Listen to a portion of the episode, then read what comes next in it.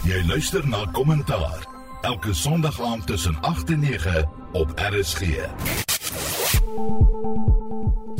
Welkom by Kommentaar vanaand en in die aanloop tot die komende lang naweek en die Weskaap verkeersowerhede aangekondig dat hulle gratis voertuigpadwaardigheidstoetse sal doen by die Jean Lou toetsentrum in Brackenfell. Dit als 'n poging om die paaie veiliger te kry en padsterftes te verminder. Soos jy die lang pad wil ander, vat inspekteer jou voertuig en as jy daar in die Kaap is, maak gebruik van die gratis aanbod. Intussen is die naweek oorheers hier op plaaslike vlak deur die DA Federale Kongres en uh, om oor ander sake van die week te praat is my gaste vanaand professor Christie van der Westhuizen. Sy is van die Sentrum vir die Bevordering van Nie-rassigheid en Demokrasie aan die Nelson Mandela Universiteit. Goeienaand Christie. Nou Susan, lekker om saam met julle te wees. Jan Jan Jouber, politieke joernalis en skrywer. Goeienaand Jan Jan. Ja, goeienaand Susan, goeienaand Christie en goeienaand aan al die luisteraars. En in die ateljee, professor Pieter Dievenage, politieke kommentator van Akademia. Goeienaand Pieter. Goeienaand uh, Susan, lekker om hier te wees en ook uh, ja, hallo aan die luisteraars en ook my mede-deelnemers. Ook in die ateljee is my produksieregisseur Daitrin Godfrey en ek is Susan Paxton. Kommentaar. 'n Ontleding van die week se vernaamste nuusgebeure. Is nou bykans 3 minute oor 8 en uh, nou ja, soos ek gesê het, ons gesels DA sake vanaand. Die leier van die DA, John Steenhuisen, het sy posisie as leier van die party suksesvol verdedig teen sy teenstander Mpopalatsi by die DA se federale kongres en uh, dit het nou uh, vanmiddag ten einde geloop. Steenhuisen het die DA se verkiesingsaanslag vir die algemene verkiesing volgende jaar met president John F Kennedy se maanlandingsprogram in die 1960s vergelyk. Hy daarna verwys as 'n moonshot pack en Esie de Klerk het vir ons opsomming. Steenhuisen sê dit gaan die DA se strategie wees. While the term moonshot originally meant a long shot, it is increasingly being used to describe a monumental effort and a lofty goal. In other words, a giant leap forward. A leap like ensuring that the DA leads the national government in 2024. And like the original mission to take humans to the moon, We take this shot to defeat the ANC and to keep the EFF out, not because it is easy, but because it is hard. Hy sê die DA is na die federale kongres sterker as ooit tevore. En hoewel daar groot geleenthede sal wees, weet hy ook dat die stryd wat voorlê gepaard sal gaan met groot risiko's. Hy sê die ANC se ondersteuning is aan die taan en die regerende party se kanse om 'n 51% meerderheid in volgende jaar se algemene verkiesing te behaal, hang moontlik in die weegskaal. Steenhuisen beskou dit as 'n geleentheid vir die DA om tande te wys om 'n beter toekoms aan Suid-Afrikaners te bied. And while it feels to so many of us like South Africa has hit rock bottom. There is one unfortunate truth in politics, and that is that things can always get worse. And there is one risk that, above all else, threatens the future of both my family and yours. And that is the increasingly realistic prospect of an alliance between the ANC and the EFF taking power next year.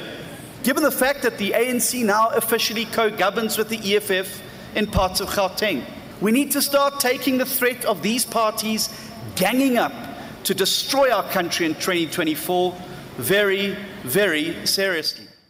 Steenhuisen sê 'n ANC EFF koalisie regering sal alle Suid-Afrikaners behoeftig laat en die DA sal alles in sy vermoë doen om 'n ANC EFF koalisie te verhoed. Steenhuisen het die leier van die EFF, Julius Malema, as die DA se nommer 1 politieke vyand verklaar. The EFF Doomsday Coalition will expropriate property without compensation and abolish private property rights. The EFF Doomsday Coalition will nationalize and destroy foreign banks, investments, mines, and other investments in the country.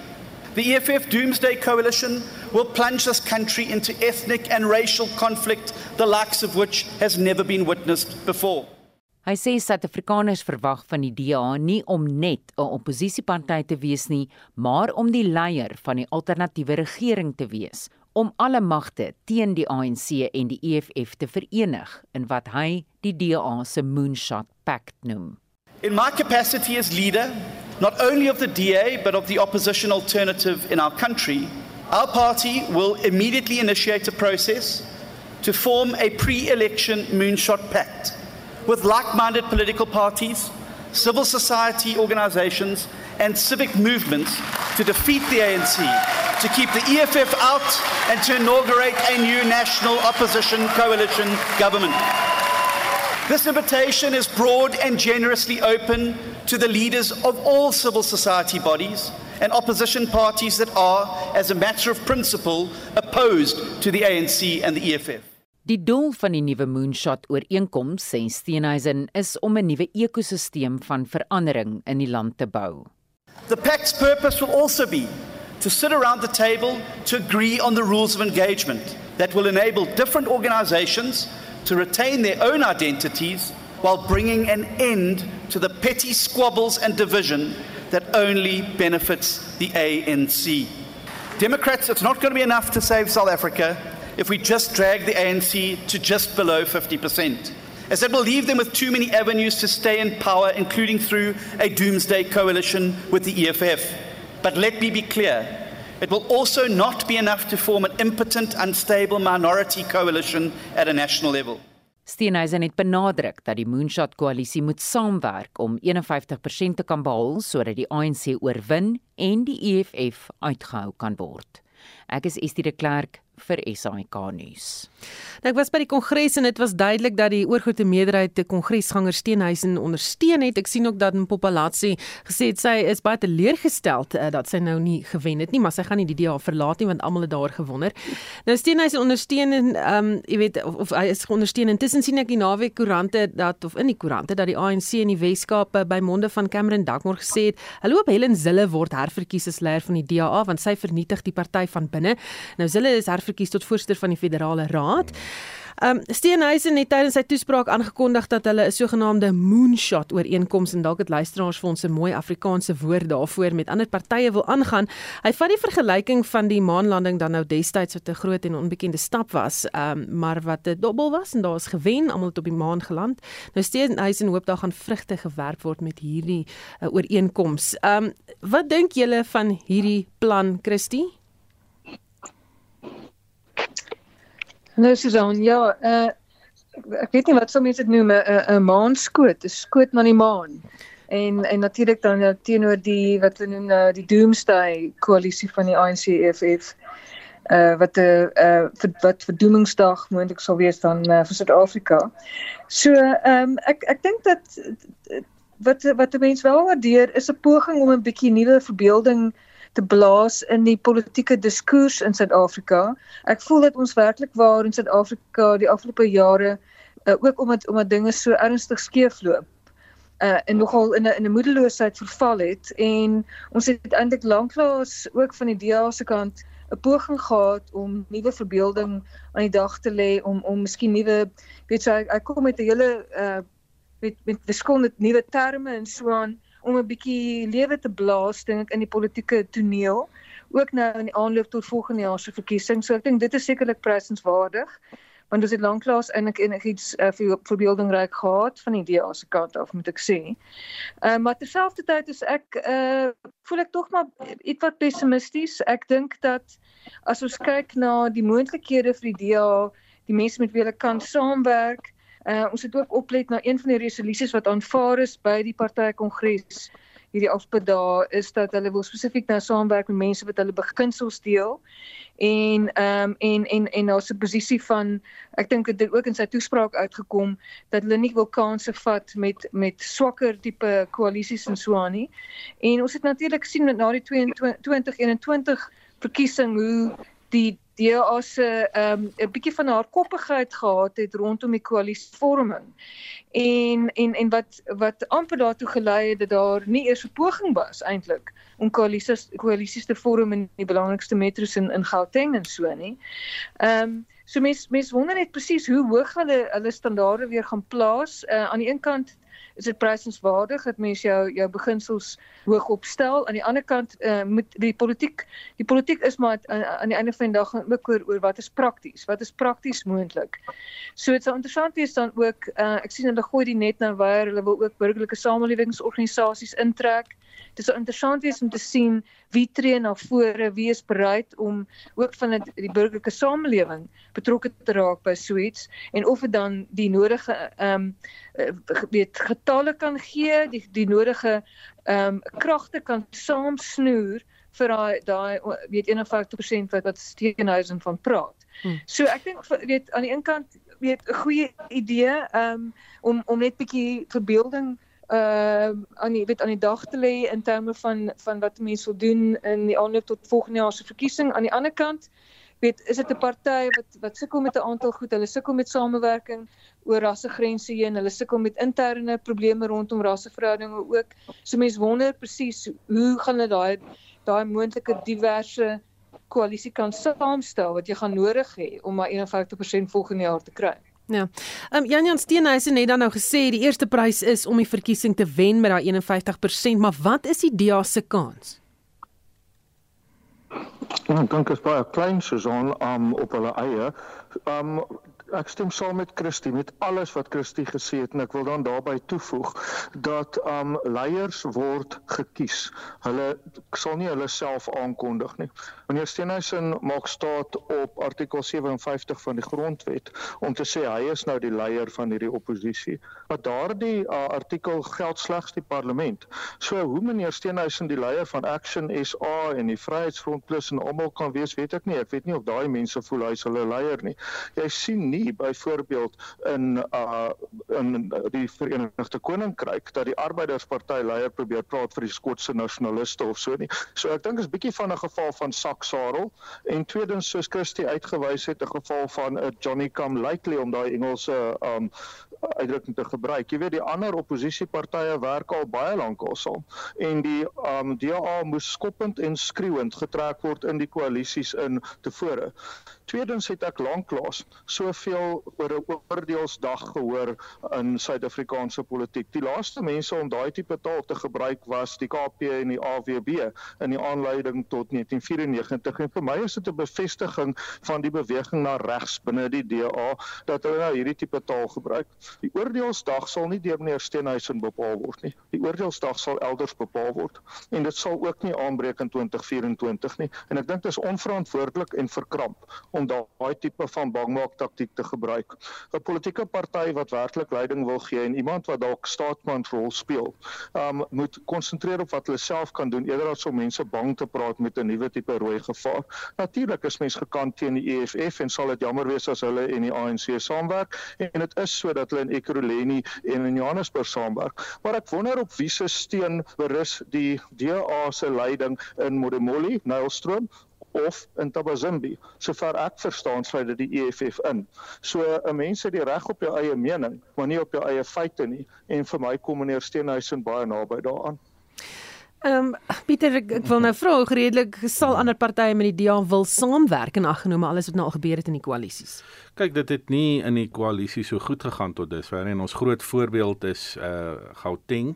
Daar is natuurlik ander voorbeelde in in dis 'n bietjie anders waar die DA koalisie is byvoorbeeld in die Wes-Kaap. So ek gaan vir die oomblik nie daaroor praat nie en meer oor Gauteng en die baanrekord lyk nie goed nie. Dit dit weet ons uh wat gebeur het nou in Johannesburg. Dit was daar was die Jukskeybrekers, die PA, die Patriotic Alliance wat uh, ook eintlik 'n party is wat maar met sy eie nikke en grille sit. So dis maar was miskien nie heeltemal die DA se skuld daar nie, maar in elk geval Ukuruleni weet ons wat nou gebeur het, maar die interessante is tog dat uh, in Tswane het die het die DA se koalisie nou weer aan bewind gekom na 'n verskriklike paar weke van politieke onstuimigheid. So ek dink uh, die feit um, van Tswane was nogal in die guns van die DA by hierdie konferensie.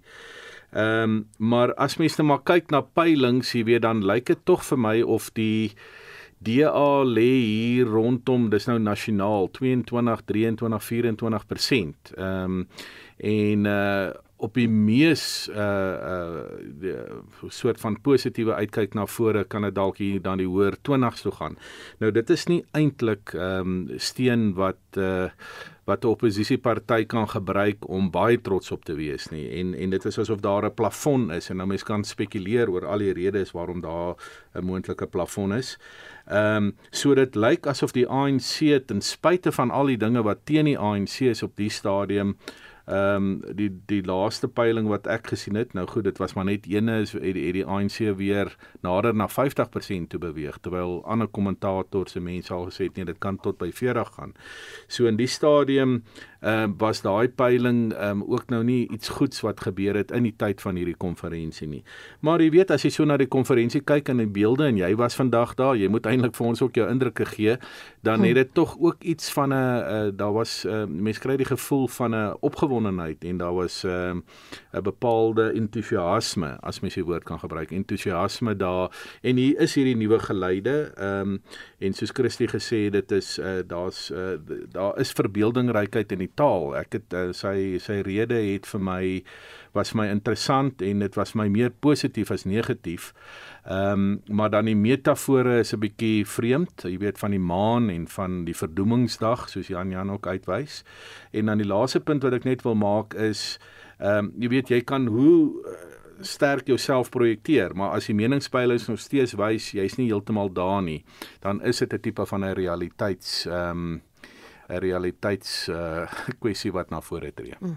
Nou uh, ons het 'n bietjie verwys na Marcel Brink is toe 'n verkies tot die Tshwane Metro burgemeester. Ehm um, sal hy die nodige stabiliteit kan bring, ehm um, jy weet dalk nou met hierdie nuwe aankondiging oor hierdie moonshot ooreenkoms uh, wat nou bekend gemaak is vandag, Christie? Ja, kyk, ek dink daar het hulle ehm um, moes hulle nogal flinke voetwerk doen om om Tshwane te te behou. Krolenius moet sou net hierdie week verloor. En dit is oor hierdie ehm um, wat hulle nou noem uh, wel ek dink nou die die uh, beskaafde term daarvoor is uh, checkbook politiek. Dit klink dit laat eintlik half amper nie so erg klink soos wat dit is nie maar hier is letterlik mense met raadslede wat omgekoop word wat wat basies hulle eie party ehm um, ehm um, uh, weet verlaat en en en en verraai uiteindelik weet vir vir 'n bedrag geld. En en in 'n hele hele stad ehm um, weet in die in die weet in die in die weerskaal plaas soos wat nou met uh, Kuruleni en Johannesburg gebeur het. So so ek dink Swane dit is ehm um, ek dink goeie nuus vir die mense van Swane dat dat die uh, die koalisie vasgehou het aan aan aan die ehm um, aan die metro daar. En maar een van die goed wat hulle moes doen is hulle moes hulle raadslede basies kry nou met die met die kiesproses moes hulle hulle kry om 'n om 'n spesifieke nommer neer te skryf. Dis wat die DA gedoen het om om om dissipline uit te oefen en seker te maak dat die raadslid nie weet stem teen die party se instruksie nie. So hulle moes 'n nommer neerskryf op hulle op hulle stembriewe. So dis iets soort goed wat mense nou moet moet begin doen omdat daar soveel um, skelmstreke is deesdae. Maar daar's ook daar's 'n klomp grondwetlike veranderinge uh en en resolusies en so aan aanvaar by die DA kongres wat hopelik ook gaan help met met koalisievorming vorentoe. En hulle het ook besluite geneem rondom uh jy weet die kwessie van ehm um, weet uh, tugstappe en dat jy nie meer kan deel wees van 'n DA caucus as daar tugstappe teen teen jou onderweg is nie. So op daai manier kan 'n mens dan onmiddellik optree teen mense, weet sanksies wat ingestel word, hulle regskommissie se se magte is versterk om om nie net aanbevelings te doen nie maar maar maar werklike sanksies dan binnende sanksies voor te stel en so aan jy weet so hulle hulle is besig om hulle prosesse intern in die party te versterk en natuurlik is dit nou van belang ook weet ek praat hier van Nelson Mandela Bay se kant af en ek dink ek het al voorheen genoem, genoem van die raadslede wat hierso omgekoop is vir 100 000 rand elk weet om om Ethel Trollip ehm um, se se ehm um, uh plaaslike weet as 'n burgemeesterskomitee hierso uit te stem. So weet dit is die dit is die so die geskiedenis waar mense vandaan kom, weet waar hierdie uh, omkoopgeld deur korrupsie.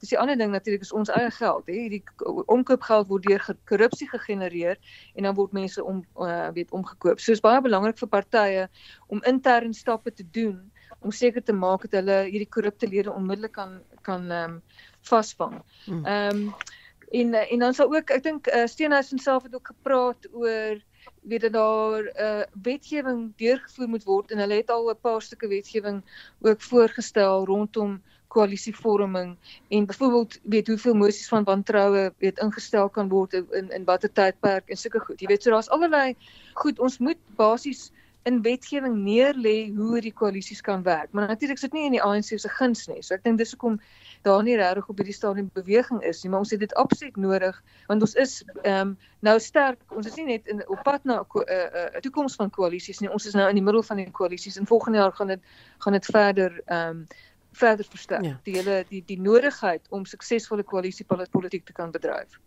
Die interessante ding wat Steenhuisen ook genoem het en dis voor hy toe nou aangekondig het as die of aangekondig is as die leier van die party. Um hy sê hulle het gevind dat kleiner koalisies met 4 of minder partye beter werk as koalisies met meer partye. Jan Jan steek daar waarheid in. Natuurlik, um as jy in 'n span moet werk met 4 mense, is dit baie makliker as 'n span met 10. Ek bedoel die Nelson Mandela Bay koalisie dink ek het 10 politieke partye in Christie. So sterkte daar by julle. Um en ek moet ook sê wat um Silje Brink aan betref, um uitstekende keuse vir burgemeester van Tshwane, onafhanklik van enigiets anderster, een van ons slimmer politici. Ek dink hy sal en ek hoor ook hy het in die afgelope paar weke sy aanslag 'n bietjie verander bietjie moeilik om met Action SA en die Vryheidsfront Plus te moet saamwerk as jy hulle so ontsettend aangeval het as party woordvoerder, maar hy het baie baie koffie gedrink in die koffiewinkels van Pretoria saam met een en almal wat nie in sy party is nie. Die punt wat Christie maak is dat um, of jy nou een uh, of vier partye is in 'n koalisie, ek dink daar's 5 in die Tshwane koalisie, ja, dis reg, dan um dit maak dit makliker, maar as jy in 'n posisie is waar jy jou eie lede so moet wantrou dat hulle nommers op um stembriewe moet skryf is ook nie so maklik nie. So alle sterkte aan sal jy bring in belang van Swani en mag dit tog goed afloop. Maar die ander dinge wat hulle um aanvaar het by die kongres, daar was inderdaad soos Christie uitgewys het 22 veranderings in die uh beleid oor dissipline en dis 'n party wat sukkel met dissipline wat dit moet doen, maar dit sal dan hopelik vir hulle beter gaan dat as hulle marcheer daarom almal in dieselfde rigting gaan. Maar uh die ander interessante dinge, daar was 'n poging om 'n onderleier te uh, nomineer. Dit is net net uitgehaal, uitgestem en dan was daar twee ander goed. Um daar was 'n uh, baie interessante mosie oor hoe uh, plaasmoorde bekamp kan word. Ek weet Dr. Ivan Meyer die Weskaapse LER vir landbou doen baie werk daar en hy staan ook herkies as nasionale voorsitter van die DA. En tweede ene wat my vreeslik gefassineer het, was dat hulle so uitgekom het teen kommunale grondbesit en vir um privaat grondbesit. Dis 'n baie aggressiewe mosie wat sê dat eienoomsbesit oorgedra sal word aan die bewoners van daardie kommunale grond. Nou hoe op aarde hulle in 'n koalisie met Inkatha gaan gaan met daai tipe beleid weet ek nie. So of die um die beleid is nie veel werk nie of die koalisie gaan nie werk nie. Hulle sal dit waarskynlik maar moet opoffer. Ek weet nie wat die ander lede van die paneel dink nie. Hm. Ehm um, ek sien dis 'n klomp luisteraars wat uh, name instuur vir hierdie moonshot. Ehm um, Jan van van der Belpark wat sê dis 'n vloekskoot en ek dink hy's redelik reg as hy nou verduidelik as jy gaan luister na wat Johan Steenhuisen gesê het of John Steenhuisen gesê het van waar dit vandaan kom. Ehm um, dit gaan 'n vloekskoot wees vir hulle om hierdie te wen. Uh hy's 'n paar ander op dag gemaak soos ons.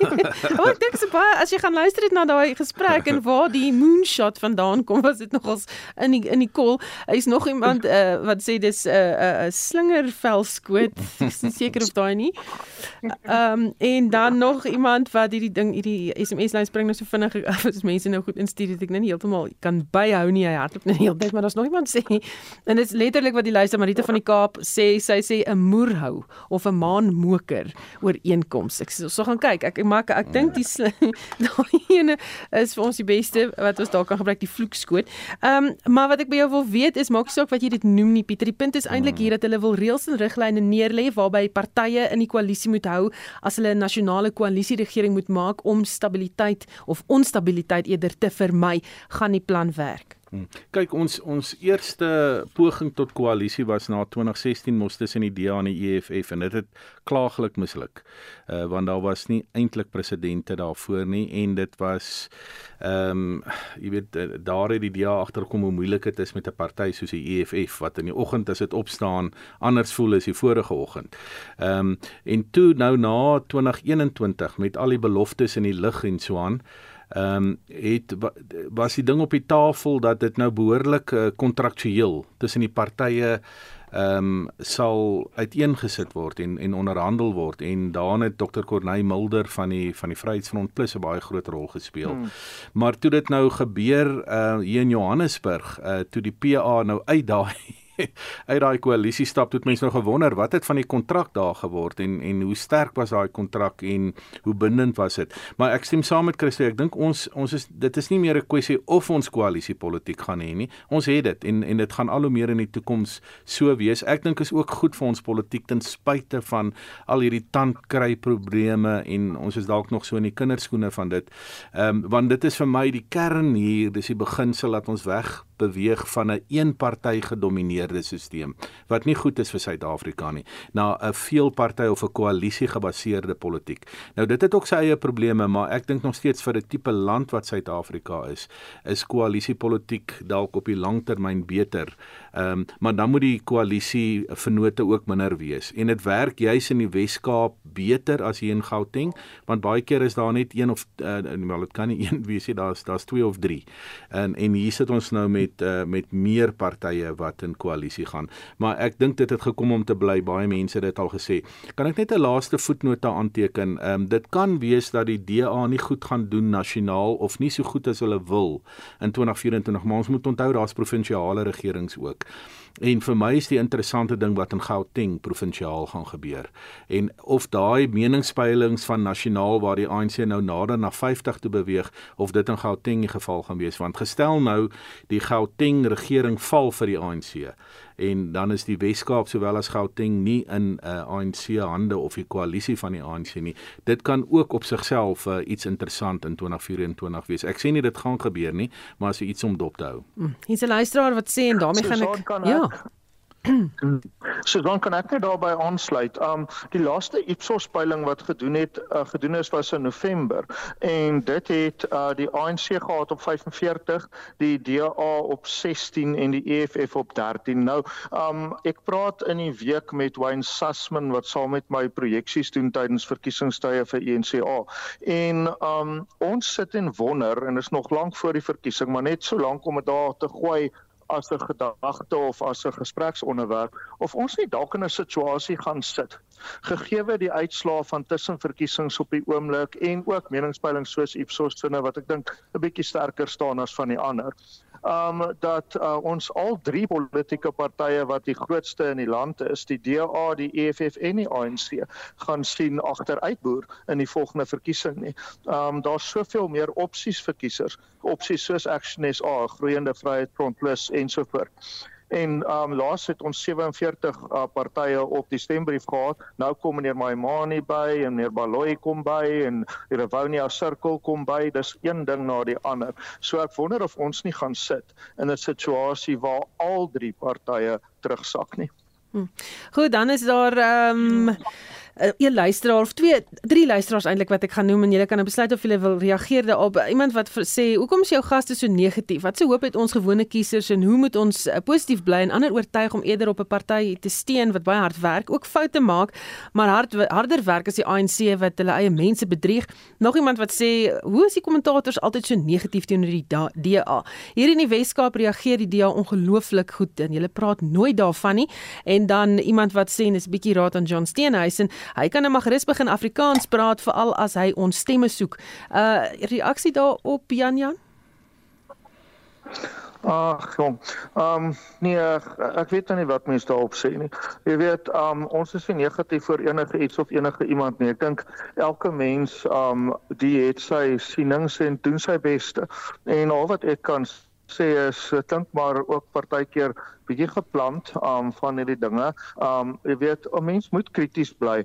As ons net goedgelowig saam stap met watter party ook al, dan um dra ons nie by tot enige tipe van um van groei nie. Die kollig is op die DA op die oomblik, so die gesprek is daaroor.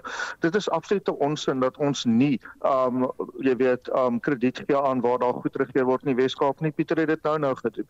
En um wat die ander partye betref, die EFF is nou al deur ons um uitgetrap vanaand, die ANC, ons hele konsep daarvan dat ons um koalisies verwelkom is een groot teenspraak teen die ANC uiteraard. So ek weet nie waar kom hulle daaraan nie. Ja, ek weet nie of ehm um, Christine moet kan ook inkom maar um, ek stem saam met Jan Jan en en vir die luisteraars kyk ek dink politieke kommentaar moet 'n mens skei van uh iets soos ehm um, partytetiese aangeho uh, aangehorigheid of uh wanneer jy um ook bytelmal 'n ander storie wil hoor. In in 'n sekere sin is gaan kommentaar daaroor dat jy jy, jy jy doen jou navorsing en dan kom jy uh, vorentoe en jy probeer so eerlik as moontlik die ding doen. Nou natuurlik is daar altyd 'n subjektiewe sy aan wat jy sê. Ons is nou hier lyk my in 'n gesprek oor hoe kommentaar geskied. Maar um, ek dink uh, ons het vanaand die voor en die nadele daarom van die van die DA uitgewys en so sal mense dit met elke party in die Suid-Afrikaanse politiek ook doen. Ek kan tog wel verstaan dat die uh, luisteraar so voel want ons is nie op 'n goeie plek in Suid-Afrika op die oomblik nie. En uh, mens moet moet miskien uh, in jou kommentaar ook ehm um, uh maar poog om om die wat sal mens dit nou noem die die lig by die donker wolk die die silwer randjie is mos 'n mooi hmm. spreekwoord dat 'n mens die silwer randjie ook uh, sien in die donker wolk want Suid-Afrika uh, en veral waar die regerende party van die dag ons gebring het uh en ook met beerkrag wat nou werklik die donkerte ook is uh dit dit is nog steeds vir my verbuisterend dat meningspeilings vir die ANC soveel steun gee as jy kyk hoe droog droog het die regering van die dag gaan maak al tot dusver. So ek hoop ek, ek kan die luisteraars op 'n manier daar 'n bietjie ehm um, uh die ander kant van die saak gee. Christie, 'n laaste woord van jou? Nee, ek ek voel ek was verskriklik gloeiend vanaand eintlik gewees. Weet ek het al nou Ja ja, baie meer ja. negatief het ek jou al gehoor. Verbeelding ryk en al daai dinge. Ja, nee, al daai dinge.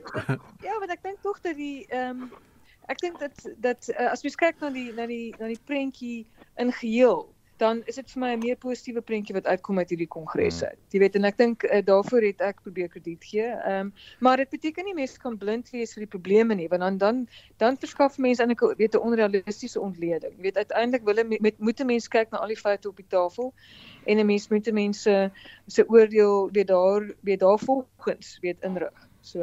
Hm.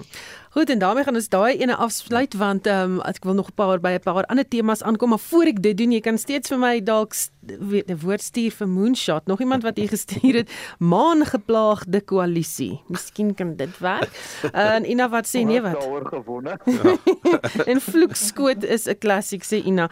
Uh, so net hierna dan gesels ons nog sake van die dag Jy luister na kommentaar elke Sondag aand tussen 8 en 9 op RSG. En my gaste vanaand is Christie van der Westhuizen, Jan Jan Joubert en uh, Pieter Dievenage en kom ons gesels oor president Thabo Mbeki. Hy is die voormalige president van Suid-Afrika gewees. Hy het 'n 17 bladsy brief aan die adjunkpresident Paul Mashatile geskryf en gevra hoekom alle ondersoeke na Palapala en die president gekeer word in die parlement deur die party. Dis nou die ANC in die parlement. So Pieter Mbeki sê dit stuur 'n verkeerde beeld aan partylede en dryf 'n wig in tussen die mense en die ANC. Dis nou 'n brief 17 bladsye van oud-president Mbeki as jy my vra. Het daai brief 'n lang geskiedenis. Hy het hom nou hierdie afgelope week uitgereik. en uh kyk, daar's nie ehm um, dit is al algemeen bekend dat hy en president Ramaphosa het maar 'n lang geskiedenis met mekaar. Ehm um, uh, want Ramaphosa het ook geaspireer om visiepresident te word daai tyd onder Mandela, oud-president Mandela. En so nou wat vir my net interessant is is hoekom sou president Mbeki nou iewes skielik weer in die politiek intree? Kyk, hy was vir 'n lang ruk baie stil. Hy het nie op 'n mooi manier uit die politiek gegaan hier by 2008-2009 nie. Uh, hy het verloor teen ehm um, sy visie president destyds in die sin van ehm um, hy wou nie eintlik hom as sy opvolger gehad het nie. Ehm um, en En nou ehm um, nou maak hy weer 'n baie sterk terugkeer en mens wonder wat lê daar agter? Wil hy weer 'n tipe van 'n politieke rol hê of wat ook al? Of is hy maar nou net gewoon ehm um, mens kan dit seker ook uh, so sien dat hy wil dalk nou ehm um, op 'n manier 'n morele posisie inneem en vir die ANC sê maar bespreek hierdie dinge in die parlement. Pala pala. En en volg die prosedures Ehm um, maar dit is so half teen teen die ANC se geaardheid in die party uh die afgelope ehm uh, kom ons noem dit maar twee dekades. So ek dink hier lê maar persoonlike geskiedenis ook agter hierdie brief.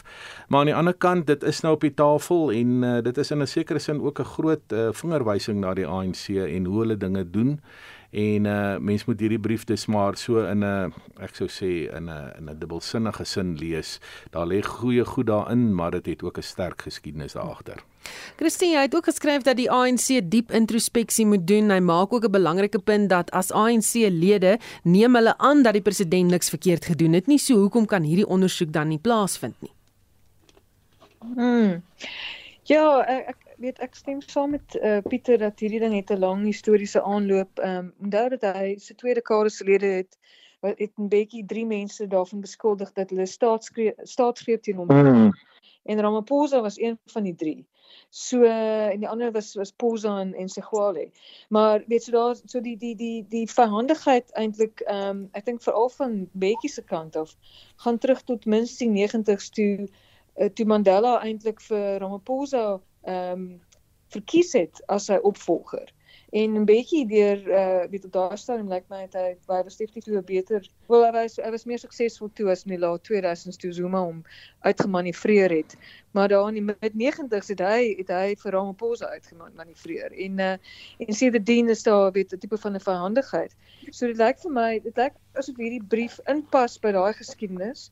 Ehm um, maar uh, as mens kyk na die brief self, dit lyk tog asof hy werklik bekommerd is want mens voel maar my hemel, waar was die briefskrywery toe toe Zuma ehm um, basies die kabinets besluite en so aan oorgelaat het aan die aan die Gupta broers.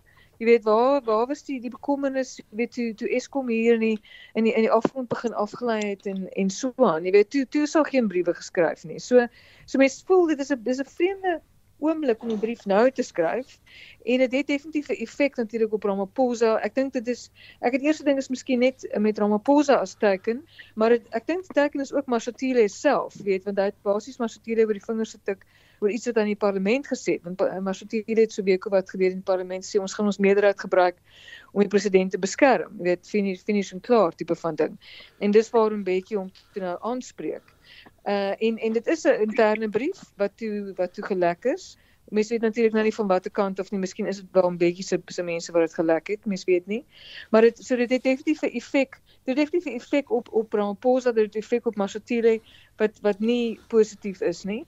So mense kan dan ook lees dat hy hy speel eintlik op 'n manier versterk eintlik dan die RET faksie met met hierdie soort optrede. Ehm um, en en ek weet of dit miskien 'n skuldige gewete is wat hom nie pla op sy ou dag en so nie, maar ehm um, nou en uh, die ander ding is natuurlik ook daar is mense in uh in die ANC wat wat 'n versigtiging het dat dat uh Thabo Mbeki moet terugkeer wat wat voel dat alles het uh weet voor die wind gegaan en natuurlik weet ons dat dit was eintlik nou in retrospeksie was dit eintlik die die beste die beste tyd van die van die ANC as as regering was onder Thabo Mbeki uh, in terme van ekonomiese groei, uh, stabiliteit stabiliteit van die land ensovoorts ensovoorts. Hmm. So so daar is daai versigtiging, maar ek dink hy is miskien bietjie lank in die tand daarvoor. Jan Jan geniet ek hom nou vir Christie. Waar was die briefskrywery van waar gasie? Ja, ek stem saam met um stem saam met Christie en saam met Pieter dat daar 'n sekere mate van persoonlike neidigheid daarin. Daarin het meneer Mbeki ook in daardie goue era uitgeblink of hoe. Maar um kom ons sê dit. Meneer Mbeki is reg. Um die sondekommissie het bevind dat die ANC sy rol versaak het in die parlement om die kabinet en die president as die hoof van die kabinet um aanspreeklik te hou. Die punt wat hy maak is weliswaar in sy eie belang en sekerlik 'n neidige een, maar dis ook 'n korrekte een dat wie niks het om weg te steek nie, het niks te vrees nie. Skyn daar die lig op die donker donker werk is konkelwerk. Waarom sal die ANC nie wil hê dat daar oorsigkomitee werk moet kom oor Palapala nie? Die ander ding is, ons het gesien. Ek dink dit was verlede donderdag wat meneer um Ramaphosa, 'n man wat nou nie eintlik aan die media baie goed bekend is nie, want hy hou nooit media konferensies nie. Waar meneer Ramaphosa toe verstok gekry is deur 'n dapper TV-joernalis op die trappe van die parlement en was hy nou glad nie dik van die lag daaroor nie. So, um ek dink dit is goed dat daar verantwoordbaarheid is. Ek dink meneer Bekkie wat weliswaar as leier sy positiewe en negatiewe eienskappe gehad het, maar laat ons sê iets goeds uit Nasaret dan. Um dat hy die party aanspreeklik hou. ek sien wel dat die reaksie van die party is presies soos wat mense hulle ken. Skop die blik in die pad af want um jy weet um die die uh, president sê die sekretaris-generaal Fikile Mbalula hanteer dit. Fikile Mbalula sê ek gaan niks doen voordat die ANC kans gehad het om vir meneer Mbeki te mee te bespreek of wat ook al nie. Daar's weinig te bespreek. Daar's net 'n ja of 'n nee vir 'n uh, ad hoc komitee en tot hulle skaamte en tot hulle ewige nadeel en tot hierdie land se nadeel en die demokrasie se nadeel. Um het hulle reeds besluit dat die parlement nie hierdie ad hoc komitee oor Palapala gaan aanstel nie. Dit is beskamend vir hulle. Goed, ek gaan dit nou eers daar hmm. laat want die tyd uh, hardloop nou vinnig hier uit, maar die minister van buitelandse sake, Naledi Pandor, het die week gesê dat Rusland uh, is 'n historiese vriend van Suid-Afrika en niemand gaan ons dwing om kant te kies nie. Sy het verder gesê dat sy uitsien na die feit dat daar ondersteuning sal wees vir Suid-Afrika en Russiese verhoudinge en gesprekke by die komende BRICS-beraad in Durban. Pieter, al die koerante se uh, opinieskrywers is dit eens dat met, met hierdie stelling het Suid-Afrika dit nou op rekord gestel dat ons nie neutraal is in die Russiese-Oekraïne oorlog nie. Ja, tot dusver was dit nog altyd so dat ons probeer het dat dit neutraal is en ons stem ook so in die VN nog elke keer. Uh kyk, uh, ek dink hier's twee dinge. Ek dink in eerste plek is daar die historiese band van die regering van die dag. Laat ons dit nou maar sê vir mekaar. Dit is 'n historiese band tussen die regering van die dan, uh, land met Rusland, nie alle Suid-Afrikaners nie. As mens nou dink hoe die Wes-Kaapse regering of veral die burgemeester gereageer toe daai fregat van Rusland daar die Kaapse hawe ingevaar uh, ingevaar het. Dit was nou nie 'n verwelkoming daar in Kaapstad van die Wes-Kaapse regering nie. Wat, wat net vir mense ook daarmee 'n idee gee Die regering van die dag is natuurlik 'n regering van die dag, maar Suid-Afrika is 'n komplekse land. En uh nou hierdie historiese band tussen die regering van die dag en Rusland is daar, maar die regering moet ook onthou dinge het aanbeweeg geweldig aanbeweeg en dat uh iemand soos president Putin kon dalk 'n sekere rol saam met histories gespeel het met die ANC voor die val van die Berlynse muur.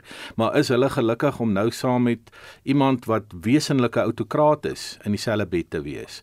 Uh, uh en en en hulle bevrydings uh stryd het gegaan oor demokrasie en bevryding. So dit is dis 'n interessante teoretiese vraag daar. Maar ek dink uiteindelik gaan dit vir my oor die ehm um, die vir die die lidmaatskap van BRICS, nee, die Brasilië, Rusland, uh, Indië, China en ehm um, en Suid-Afrika en dat die minister van buitelandse sake Naledi Pandor ek dink sy dit oor daai boeg ook probeer gooi saam met die historiese dat mense het verantwoordelikhede daar. Maar nou is dit interessant om te sien Brasilië het teen uh, Rusland gestem by die VN met die nuwe regering mm. kan dit dalk anders wees. Ehm um, en dan is daar natuurlik die baie belangrike ding wat uh, Pandor nie kan ehm um, buite rekening laat as ons minister van buitelandse sake nie of die land se uh, minister van buitelandse sake nie en dit is dat die internasionale strafhof het 'n bepaalde ehm um, uh bevel teen president Putin uitgevaardig. Nou mense kan debatteer oor die internasionale strafhof en en en hoe goed dit is en so aan, maar dit is uh dit is nie 'n instelling wat uh totaal en al negeerbaar is nie. En as president Putin dan na Suid-Afrika kom na die BRICS uh byeenkoms in Augustus soos beplan, dan kan Suid-Afrika nog in moeiliker vaarwater ingaan uh as wat die ehm um, jy weet die militêre oefening hier langs ons kus en hierdie uitlatings van die regering van die dag van Suid-Afrika want dit bring ons eintlik maar in in baie moeilik op 'n moeilik in 'n moeilike ehm um, terrein of op 'n moeilike terrein met ons belangrikste handeling handelsvennote. Jan Jan Ja, ek meen is erger as dit en um, jammer aan die luisteraars wat nie hou van kritiese denke of um dink ons is die een of die ander party goedgesind nie. Hier kom nou nog een. Um en dit is dat die ANC as party baie diep in die bed is met meneer Putin se eie party, die een Rusland party. Want so het die ANC gisteraand probeer om dit buite die nuus um siklus aan te kondig maar dit het heeltemal reg gekry nie dat um die ANC gaan nou leer by een Rusland party dis nou meneer Putin se party oor hoe om nou te regeer hulle het, hulle stuur twee mense weliswaar die iets wat um onindrukwekkende adjunkminister van buitelandse sake Elwin Botus en Obed Bapela wat al omtrent elke posisie in die regering gehad het en nog nooit eintlik 'n impak gehad het nie so 'n meer junior span kan jy skaars kies maar hulle is nou reguit op pad Moskou toe om daar nou te leer hoe om die ding te doen. Wat Pieter um, na verwys is dat ons is 'n ondertekenaar en 'n lid van die internasionale strafhof. Ons is in eergebonde om wanneer meneer Putin sy voet aan wal sit in Suid-Afrika om te arresteer.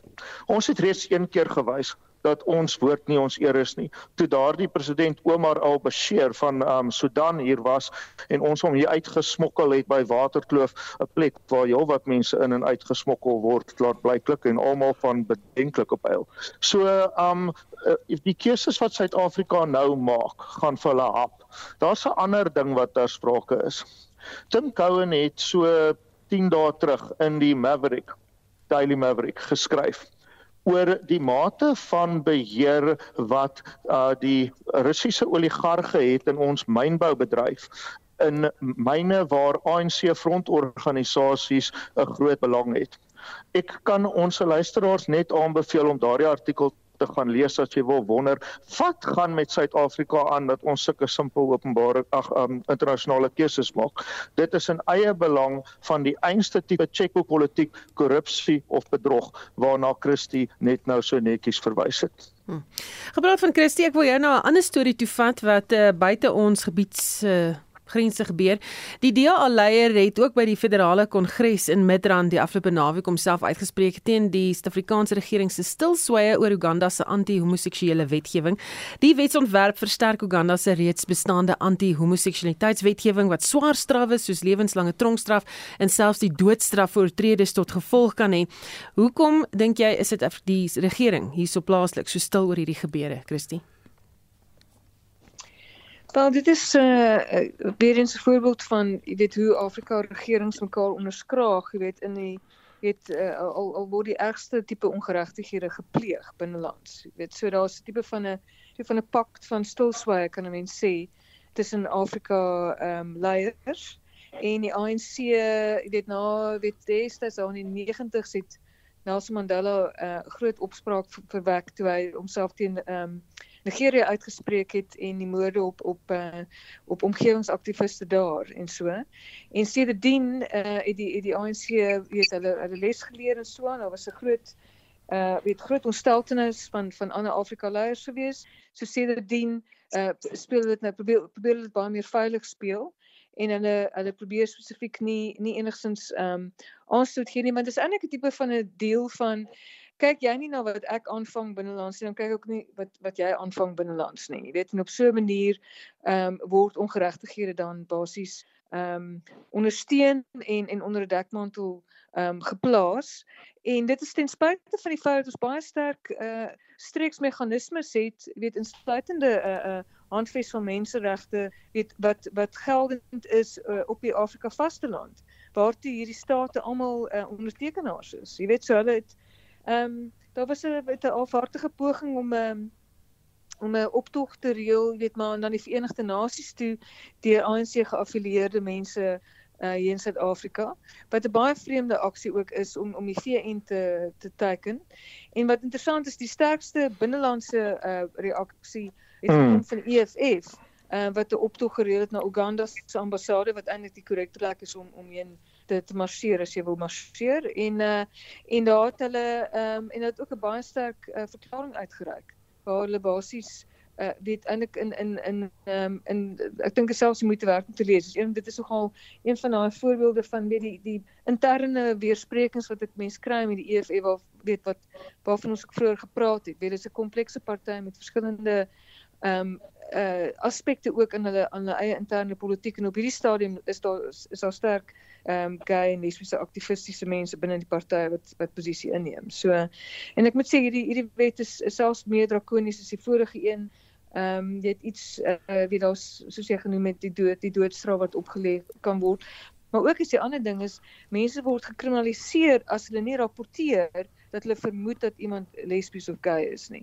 Dit wil sê jy jy dra jy maak eintlik jou hele bevolking doen jy eintlik met wat soos hulle gedoen het in Oos-Duitsland destyds. Weet jy mm. mense basies op mekaar moet spioneer en eintlik informante word. Maar hier is nou in die mees intieme deel van mense se lewens. So dit is eintlik 'n 'n vorm van sosiale beheer. Ek dink die mense moet dit net sien as iets wat lesbies en gay mense weet uh, alleen affekteer nie. Dis 'n vorm van sosiale beheer om Ugandese mense in die algemeen eintlik ehm um, vas te vang in 'n soort van 'n greep ehm um, uh, deur die staat. Maar uh daar's daar sterk uh, nie, nie regeringsorganisasies en aktiviste in die land wat hierdie goed teen staan en daar's baie sterk ehm um, ondersteuning in die uit die buiteland, weet vir hierdie mense, maar maar baie van die mense se lewens is natuurlik nou in gevaar weer eens. Ja, ja, ja ek wou nou vra, reageer die wêreld hard genoeg op hierdie wetgewing? Ehm um, nee, ek dink nie so nie. Ehm um, kyk waaroor dit hier gaan is maar baie wat dit in Suid-Afrika gegaan het destyds met die ontugwet en allerlei goeters wat probeer reguleer wat mense in hulle private lewens doen. En dit is nie reg nie. Ek meen uiteindelik die liefde neem veel uit vorms aan het ID Plessis geskryf en um dit is wat 1000 vorme aan of so iets geskryf en, en dit is so. Um en wat hier gebeur is dat dat mense word vir 'n manier waarop hulle gebore word en 'n manier wat hulle kies wat niks met iemand anders te doen het nie benadeel. En dit is nie reg nie. Die EFF se optog vind plaas komende Dinsdag. Gaan hulle die optog in Pretoria hê na die ambassade van Uganda wat soos Christie sê die regte plek is om toe te gaan. Word gelei deur Julius Malema die partyleier En 'n mens wonder as jy die ANC se geskiedenis ken en die aanloop tot 1994, die rol wat hulle in die grondwet gespeel het. En kom ons bring die grondwet daarin. Dan wat waarom is dit nie daar nie? Die grondwet in ons land bepaal vryheid van seksuele voorkeur. Dit is net so belangrik soos eiendomsreg en so voort. So ek weet nie um waar die ANC hulle koppe gaan indruk uit skaamte as hulle nog die vermoë daartoe het nie. En soos uh, Christie sê, EFF is bietjie soos en ek sê dit binne konteks daardie ou Amerikaanse verhaal Topsy. So dis bietjie van 'n gevaarlike verhaal om aan te haal. Wel, hulle het gesê when she was good, she was very very good, but when she was bad, she was terrible. En ek dink dis die EFF omtrent. en uh Pieter, jou gedagtes hieroor. Ja, kyk, uh, ek het ek het ook so 'n bietjie navorsing gaan doen. Dit is interessant hoe hoe dit aan die parlement in in Uganda gegaan het, nê, dat die speaker het het uh almal beveel om net na die een kant toe te stem. Jy weet teen uh, jy weet vir die wetgewing. Ehm um, en uh, dit was my baie vreemd en uh, ek moet daarom sê uh, die FSA uh, by wyse van president Biden het uh, gedreig met sanksies en die VN het ook by wyse van 'n woordvoerder sterk uitgekom. So daar is al ehm um, 'n definitiewe ehm um, reaksie. En dit wys maar net weer eens dat geen staat is 'n eiland nie. Ehm um, as jy as jy hierdie tipe van dinge gaan doen, dan gaan jy teensand kry. Ehm um, maar my verdere navorsing het vir, vir my ook na vore gebring dat ehm um, homoseksualiteit is nog steeds 'n kriminele kwessie in 30 van die 54 Afrika state. So lyk like my ehm um, binne die Afrika verband en en en binne ehm uh, onder bepaalde gemeenskappe in Afrika is dit 'n is dit 'n vraagstuk. Dit, dit is 'n kwessie. En ehm uh, en ek dink 'n mens sal daar ook moet werk. Ehm um, as jy as jy 'n oplossing wil kry vir hierdie saak wat ehm um, eintlik nie 'n goeie refleksie is op Uganda nie. Hm. Goed, nog 'n storie in die buiteland wat almal hulle oog op hou. Die voormalige president van die FSA, Donald Trump, sal na wat berig word Dinsdag in die hof verskyn. Dis die eerste oud president daar wat strafregtelik in die FSA dan nou vervolg word en dit hou verband met geld wat betaal is aan 'n pornografie-aktrise Stormy Daniels. Christie, Trump het la, laat blyk dat hy ontevrede is met die regter en dat dit 'n heksejag is teen hom. Ag, dit is maar redelik voorspelbaar, ek weet reaksie van sy kant af. Ek dink dat die as mens kyk na hierdie saak dan ehm um, is dit uh, ek dink dat weet een van daai sake wat nogal 'n tydjie lank al kom en uh, dit gaan rondom um, geld vir wat gespandeer is tydens sy verkiesingsveldtog toe hy uh, president geword het. So daar's vrae oor hoe hierdie veldtog geld gespandeer is. Hy het uh, na bewering uh, 130 000 dollars as 'n omkoopgeld weet betaal aan aan Stormy Daniels. En en um, maar dis betaal deur sy prokureur wat intussen uh, ook van die rol geskraap is en die prokureur het uh, hy die prokureur dan terugbetaal met paemente. So die hele ding lyk net ek moet sê dit lyk nie goed nie. Uh en en uh, en ek dink Trump ehm um, hy bevind homself definitief op op op 'n ongemaklike plek hierso. So hy gaan natuurlik en natuurlik die ander weet aantekening wat gemaak word is dat hierdie is deel van 'n politieke veldtog teen hom. Maar die feit van die saak is is dat jy weet as daar 'n uh, wet uh, gebreek is hierso dan dan moet daar vervolging wees. En net omdat hy um, hy, uh, hy skat homself natuurlik nou nie ehm um, as as gelyk voor die reg met die met die res van van van die arme sterflinge van die FSA nie, maar eintlik is hy. So dit is miskien 'n goeie herinnering daaraan. Jan Jan Ja, ehm um, dit is baie tipiese Trump gedrag. Ehm um, jy weet dis vir asof die feit dat hy 'n politikus is, maak hom nie immuun teen vervolging nie. Die feit dat die um die watse district attorney in in in Afrikaans weet ek nie maar ons ken die Amerika die distriksprokureur of aanklaer of wat mm -hmm. ook al. Um, ja. dat dat meneer Bragg van um van New York weliswaar 'n demokraat is want die Amerikaners kies hulle mense polities selfs in die regstelsel en dit is 'n groot probleem en 'n groter wordende een ook in hulle Hooggeregshof.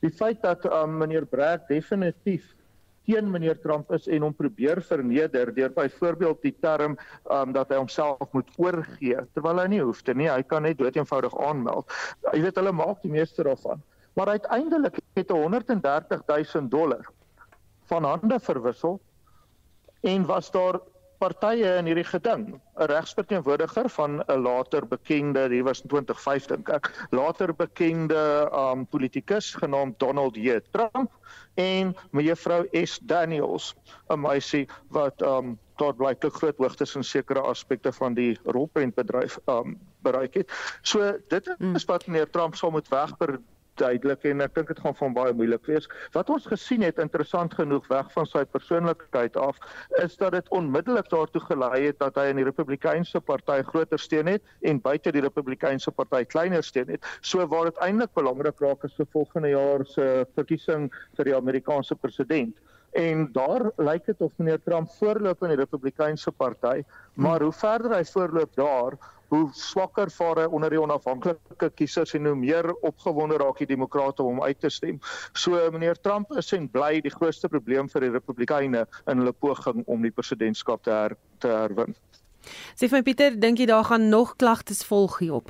Kyk, die Stormy Daniels ehm um, geval is maar een van 4 en dit dit maak dit vir oud president Trump uh, moeilik. Uh, Daar's ook sy jy weet die belasting, sy belasting uh, terugbetaling is is eintlik uh, nog 'n ander saak wat groter is. En dan sy ontkenning van die uitslag in Georgia wat een van die sleutelstate was en toe hy gestaan het in die vorige presidentsverkiesing en dan natuurlik 6 Januarie 2021 wat ehm um, waar daar ook nog dinge aan die gang is. So hy het op vele fronte. Uh, Stormy Daniels is eintlik die kleiner een van van die van die vier. Ehm um, en ehm um, dan was sy presidentskap ook nog onstuimig. Daar was twee state van beskuldiging waardeur hy gegaan het. En as hy nou aangekla word in New York, is dit die eerste keer in 250 jaar dat 'n Amerikaanse president aangekla word. Dit is nogal ehm um, dit is 'n dit is nogal 'n rekord. En maar die probleem is net dat as jy hom aankla en jy jy ehm um, um, en jy maak uh, jy weet jy maak nou 'n uh, 'n saak uh, rondom president uh, Trump, dan kan dit weer tot, tot on, politieke onstabiliteit lei, jy weet op pad na die presidentskap uh, volgende jaar in 2024. En hy staan nog redelik sterk binne die Republikeinse party. Uh, Jan Jan is reg, buite die party is dit 'n ander saak. Maar ons sal maar hierdie spasie moet dophou. Um, ek dink nogal die Amerikaanse politieke stelsel word getoets deur hierdie dinge. En laaste woord dan aan jou. Net so laaste enetjie vir julle drie. Uh Johan Blau van Potchefstroom dink ek het die lekker vertaling hier vir die die moonshot. Hy sê mik vir die sterre skoot oorspronklik was dit longshot, 'n waagskoot, poging om, om waarskynlike mm. te bereik. En dis dalk die regte vertaling want dit is dink ek wat Mooi. John Steenhuisen bedoel het, 'n waagskoot um, wat 'n koalisie ooreenkoms. daarmee groet ons vanaand. Dankie dat jy saam geluister het. My gaste was professor Christie van der Westhuizen, Janja Nieuwberg en ook professor Pieter Dievenage. In die ateljee is my produksieregisseur Daiten Godfrey en ek is Susan Paxton.